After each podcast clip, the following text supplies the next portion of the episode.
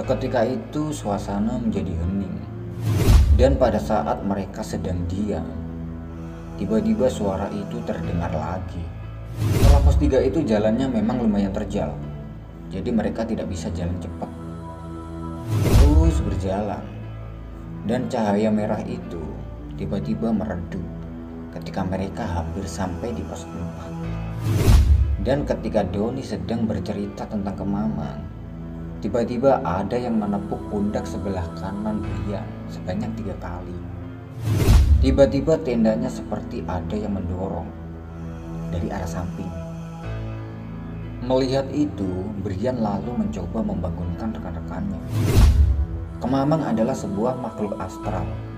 Dia tidak berwujud menyeramkan, tapi dia berwujud seperti bola api yang membara. Banyak orang yang mengartikannya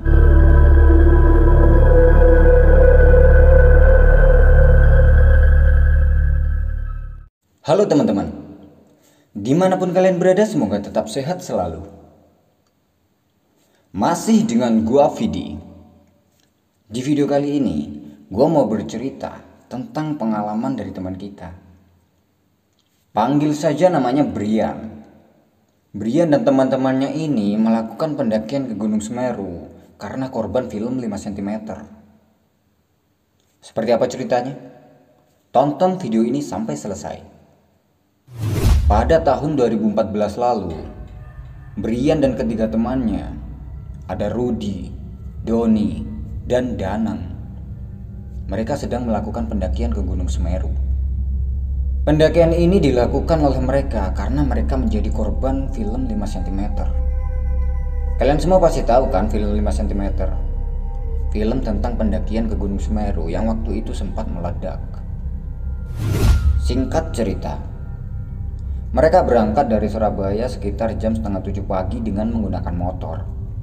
Hingga sampai di Pasar Tumpang kurang lebih jam setengah sepuluh pagi. Sesampai di pasar tumpang mereka membeli logistik dan perlengkapan lain yang mereka butuhkan. Dan ketika mereka sedang berada di pasar tumpang, mereka bertemu dengan satu orang yang waktu itu dia sedang membawa karier. Melihat itu Brian pun mengajaknya ngobrol dan berkenalan. Mau ke Semeru juga mas? Iya mas, Sampian juga mau ke Semeru? Iya, ini lagi belanja logistik. Sendirian? Udah janjian sama temen ketemu di Ranupani. Oh, kalau gitu berangkat bareng kita aja mas ke Ranupani. Lalu satu orang yang bernama Iwan itu berangkat ke Ranupani bareng mereka. Singkat cerita, setelah selesai belanja, mereka pun melanjutkan perjalanannya menuju ke desa Ranupani. Sesampai di sana mereka memarkirkan kendaraannya dan setelah mereka selesai parkir, mereka pun berpisah dengan satu orang yang bernama Iwan tadi. Karena Iwan sudah bertemu dengan rombongannya. Berjalan menuju pos pendaftaran. Sesampai di situ mereka pun mengurus pendaftaran dan kemudian briefing. Ketika mereka sedang briefing, mas-mas yang membriefing itu bilang, pendakian Gunung Semeru tidak disarankan sampai puncak. Jadi, batas pendakian hanya sampai Kalimati. Tapi kalau ada yang berniat ingin muncak, tetap diperbolehkan. Tapi kalau ada apa-apa di atas Kalimati, pihak yang bersangkutan tidak mau bertanggung jawab. Setelah selesai briefing, Brian pun bertanya kepada teman-temannya. Gimana nih? Katanya nggak boleh sampai ke puncak. Boleh aja, tapi pihak sini nggak bertanggung jawab kalau ada apa-apa di atas Kalimati. Terus kita gimana? Tetap muncak? Udah, lihat nanti aja. Yang penting jalan dulu aja, Bray. Untungnya mereka mendapat kuota dan bisa berangkat hari itu juga. Sekitar pukul setengah tiga sore, mereka pun memulai perjalanannya. Baru saja mulai berjalan, tiba-tiba Brian melihat sesuatu yang agak aneh. Tidak jauh setelah pos pendaftaran, tepatnya di sebelah kiri jalan. Di situ terdapat sebuah pemakaman. Nah, di tempat pemakaman itu, Brian sempat melihat ada asap yang keluar dari salah satu kuburan. Melihat itu Brian sedikit heran dan dia sempat mau bilang kepada rekannya, tapi tidak jadi karena dia nggak mau ambil pusing. Mungkin itu asap pembakaran sampah yang kebetulan dibakar di sekitar situ. Lanjut berjalan, sampailah mereka di gerbang pendakian Gunung Semeru. Mereka sempat berfoto-foto sebentar di situ. Ketika sedang asik berfoto-foto di tengah pintu gerbang, Tiba-tiba ada seorang bapak-bapak yang sedang lewat. Bapak-bapak itu terlihat sangat seram. Kumisnya tebal. Dia membawa golok dan mengenakan sarung yang diselimutkan ke tubuhnya. Melihat bapak-bapak itu mau lewat, mereka pun mempersilahkannya. Dan ketika bapak-bapak itu lewat, tiba-tiba bapak itu menempuk pundaknya Brian, tapi tidak mengucapkan satu kata pun. Setelah bapak itu lewat, mereka pun lanjut berfoto-foto. Dan ketika mereka sudah puas berfoto-foto, mereka pun lanjut berjalan. Ketika mereka sedang berjalan, Brian sempat menoleh kanan kiri, mencari bapak-bapak yang tadi lewat. Tapi Brian tidak menemukannya. Lalu Brian bilang kepada rekannya, "Eh, bapak-bapak yang tadi lewat, kok nggak ada ya?" Melihat di situ ada perkebunan warga, Rudi pun menjawab, "Ke sawah mungkin, Bray." Terus berjalan mengikuti jalur yang jelas. Sampailah mereka di Landengan Dowo. Karena melihat hari hampir petang, mereka pun memutuskan untuk istirahat dulu. Brian mengeluarkan logistiknya yang tadi dibeli di pasar tumpang untuk dimakan bareng temannya. Pas mereka santai duduk sambil makan, tiba-tiba ada rombongan pendaki lain yang waktu itu sedang turun. Lalu Brian menyapa pendaki itu dan menawarinya untuk istirahat dulu. Istirahat dulu mas, sambil nunggu maghrib. Lalu rombongan itu pun berhenti di situ dan beristirahat bersama Brian dan rekannya. Kemudian mereka saling mengobrol. Baru naik mas? Iya mas. Sampean rombongan dari mana? Kita dari Jember. Di puncak rame nggak mas? Oh, kita cuma di Ranukumbolo, nggak sampai ke puncak. Kebanyakan pendaki Semeru memang yang dituju adalah Ranukumbolo doang, karena di situ pemandangannya luar biasa indah. Bisa dibilang Ranukumbolo ini adalah surganya Gunung Semeru. Hari sudah mulai gelap. Rombongan dari Jember itu pun berpamitan untuk turun dan mereka pun lanjut berjalan naik. Tidak lama kemudian sampailah mereka di sebuah jembatan yang terbuat dari kayu dan bawahnya adalah jurang. Ketika mereka berjalan melewati jembatan kayu itu, tiba-tiba Brian melihat ada sebuah cahaya merah yang letaknya ada di dasar jurang. Melihat itu spontan Brian pun bilang kepada Rudy karena waktu itu Rudy yang berjalan di dekatnya. Eh, Ruth, lihat itu. Rudy pun menjawab, Iya, apa itu ya? Terang banget. Mendengar percakapan Brian dan Rudy, Doni pun menyahutinya. Udah bro, biarin. Ayo, cepat jalan. Lalu mereka mempercepat jalannya karena takut. Setelah kurang lebih lima menit mereka meninggalkan jembatan kayu itu, Doni bilang, itu kalau di tempatku namanya adalah kemamang. Kemamang adalah sebuah makhluk astral. Dia tidak berwujud menyeramkan, tapi dia berwujud seperti bola api yang membara. Banyak orang yang mengartikannya itu adalah sebuah meteor atau komet. Tapi kenyataannya salah. Meteor atau komet yang masuk ke kawasan bumi pastinya itu akan jatuh Sedangkan Kemamang tidak. Dia malah terbang melayang.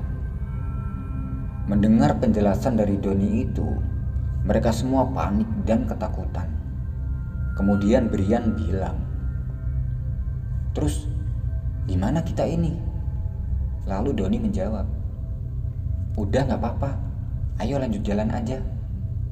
Dengan perasaan takut, mereka pun lanjut berjalan hingga sampai di Watu Rejeng dengan ketinggian 2350 meter di atas permukaan laut. Di sini rekannya yang bernama Danang sempat menyarankan untuk ngecamp, tapi Doni menolaknya dengan alasan takut kemamang itu mengikuti mereka. Karena jarak waktu Rejeng dan jembatan itu tidak jauh.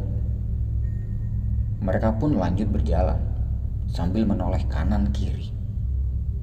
Jalan mereka sangat cepat hingga sampailah mereka di pos 3 sekitar jam 9 malam. Karena capek, mereka pun istirahat lumayan lama di dalam bangunan shelter di pos 3. Ya kira-kira 30 menit. Nah, ketika mereka sedang beristirahat di pos 3, tiba-tiba Brian mendengar ada teriakan seorang wanita dari bawah. Mendengar itu spontan Brian pun bertanya kepada teman-temannya. Eh, ada yang dengar suara teriakan nggak dari bawah? Lalu Doni menjawab, Enggak tuh. Kemudian Brian meminta teman-temannya untuk diam dan mendengarkan teriakan suara yang didengarnya. Seketika itu suasana menjadi hening. Dan pada saat mereka sedang diam, tiba-tiba suara itu terdengar lagi. Dan kali ini mereka semua mendengarkan teriakan itu. Mereka semua ketakutan waktu itu. Lalu Doni mengajak teman-temannya untuk segera melanjutkan perjalanan dan meninggalkan pos 3. Setelah pos 3 itu jalannya memang lumayan terjal, jadi mereka tidak bisa jalan cepat. Kira-kira 10 menit mereka berjalan meninggalkan pos 3. Tiba-tiba Brian melihat ada sinar merah yang tadi dilihatnya di jembatan kayu. Cahaya itu terlihat sangat jelas di sela-sela pepohonan. Lalu Brian memberitahu rekan-rekannya. Ketika mereka berhenti, Danang bilang, "Kan, mending kita ngecamp dulu aja tadi di sana." Mereka sempat debat waktu itu. Lalu Brian mencoba menenangkan rekannya. Udah bro, gak ada gunanya kita debat sekarang. Yang penting, sekarang kita harus cepat-cepat sampai di Ranu Kumbolo. Brian mengajak teman-temannya untuk lanjut jalan dan mengabaikan cahaya merah itu. Lanjut berjalan. Cahaya merah itu bukannya hilang, tapi malah mengikuti mereka dari kejauhan. Mereka semua mengabaikan itu dan tetap melanjutkan perjalanannya dengan perasaan takut. Terus berjalan, dan cahaya merah itu tiba-tiba meredup ketika mereka hampir sampai di pos 4. Sesampai di pos 4 mereka merasa sedikit lega karena cahaya merah itu sudah tidak mengikuti mereka lagi. Dan dari pos 4 itu sudah terlihat Ranu Kumbolo. Karena Ranu Kumbolo sudah terlihat, Brian pun mengajak teman-temannya untuk segera berjalan agar bisa beristirahat dan mendirikan tenda. Berjalan dengan ditemani kabut tipis. Di sebelah kiri mereka sudah terlihat jelas Ranu Kumbolo. Di dalam perjalanannya, Brian melihat ada sebuah pohon tepat di bawah. Dan di situ tanahnya lumayan lapang. Posisinya tepat di sebelah danau. Karena udaranya yang sangat dingin, Brian pun mengajak teman-temannya untuk turun dan ngecamp di situ. Lalu Rudy bilang sambil menunjuk ke arah seberang danau. Apa nggak sebaiknya di sana aja? Di sana kan banyak tenda. Lalu Brian menjawab, Aku udah nggak kuat kalau harus jalan ke sana. Bukan cuma Brian yang kelelahan. Mereka semua sebenarnya udah kelelahan karena tadi berjalan sangat cepat. Lalu mereka semua sepakat untuk turun dan ngecamp. Sesampai di tempat itu, ternyata ada orang yang sedang ngecamp juga di situ. Melihat itu mereka sedikit lega, karena setidaknya ada temannya. Lalu mereka berjalan mendekati tenda itu dan berencana mendirikan tenda di sebelahnya. Tapi tidak ada tanah lapang. Jadi terpaksa mereka harus sedikit menjauh. Tepat di bawah pohon mereka pun mendirikan tendanya. Karena adanya tanah datar, cuma di bawah pohon itu. Jaraknya kira-kira sekitar 10 meter dari tenda pendaki lain itu. Lalu mereka mendirikan tendanya dengan posisi menghadap ke danau. Setelah tenda sudah berdiri, mereka pun masak, lalu kemudian makan. Sebenarnya Brian ingin menawari makanan ke tenda itu, tapi tendanya terlihat gelap dan pintunya tertutup. Brian berpikir penghuni tenda itu sudah tidur. Setelah selesai makan, mereka pun duduk-duduk di depan tenda sambil mengobrol dan membahas tentang kemamang, cahaya merah yang tadi mengikuti mereka. Dan ketika Doni sedang bercerita tentang kemamang, tiba-tiba ada yang menepuk pundak sebelah kanan Brian sebanyak tiga kali. Spontan Brian pun menengok, tapi tidak ada siapa-siapa.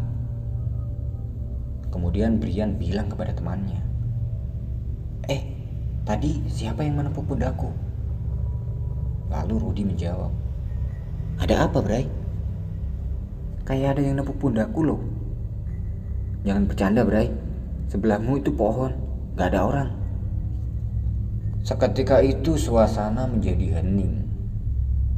Karena takut, mereka pun langsung masuk ke dalam tendanya dan menutup pintunya. Di dalam tenda mereka berdiskusi tentang kelanjutan perjalanannya. Danang menyarankan untuk tidak melanjutkan. Tapi Rudi tetap ingin melanjutkan. Kemudian Doni memberi saran. Ya kita lihat besok aja. Kalau memungkinkan ya kita lanjut. Tapi kalau nggak memungkinkan ya kita turun. Setelah berdiskusi mereka tidur. Tapi Waktu itu Brian tidak bisa tidur. Entah kenapa. Padahal sebelumnya Brian sempat merasakan ngantuk. Sekitar jam 12 malam, Brian merasa haus. Kemudian ia mencari botol air minum. Tapi tidak ada. Ternyata minuman mereka ada di depan tenda semua dan lupa membawanya masuk. Brian ingin mengambilnya ke depan tenda, tapi takut. Karena tidak tahan haus, Brian pun memberanikan dirinya untuk mengambil ke depan tenda. Brian membuka tendanya. Lalu, betapa terkejutnya Brian ketika dia membuka pintu tendanya.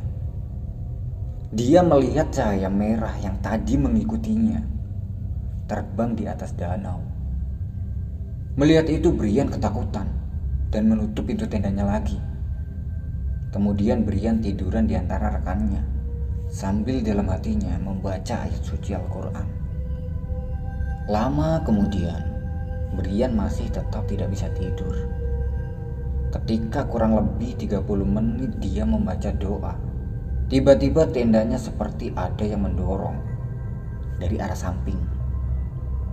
Melihat itu, Brian lalu mencoba membangunkan rekan-rekannya, tapi tidak bisa mereka sudah tertidur sangat pulas karena efek kecapean. Kurang lebih 10 detik lamanya, Brian merasa tendanya ada yang mendorong.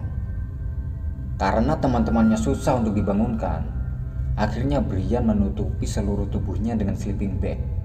Hingga akhirnya dia tertidur. Pagi pun tiba. Mereka semua terbangun dari tidurnya. Pagi itu Brian masih merasa mengantuk karena semalam ia tidak bisa tidur. Setelah terbangun, mereka semua keluar dari tenda untuk melihat pemandangan. Tapi pagi itu mereka semua sangat terkejut.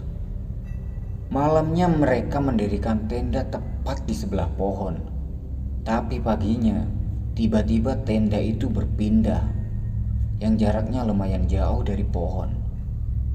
Kemudian Brian bercerita kepada rekannya tentang apa yang dilihatnya semalam, bahwa tendanya seperti ada yang mendorong. Karena penasaran, mereka pun berjalan ke tempat semalam mereka ngecamp di bawah pohon. Ternyata pohon itu adalah pohon keramat. Di balik pohon itu terdapat sebuah sesaji dan bekas pembakaran dupa. Ternyata yang mereka tempati semalam adalah tempat yang dikeramatkan oleh warga setempat.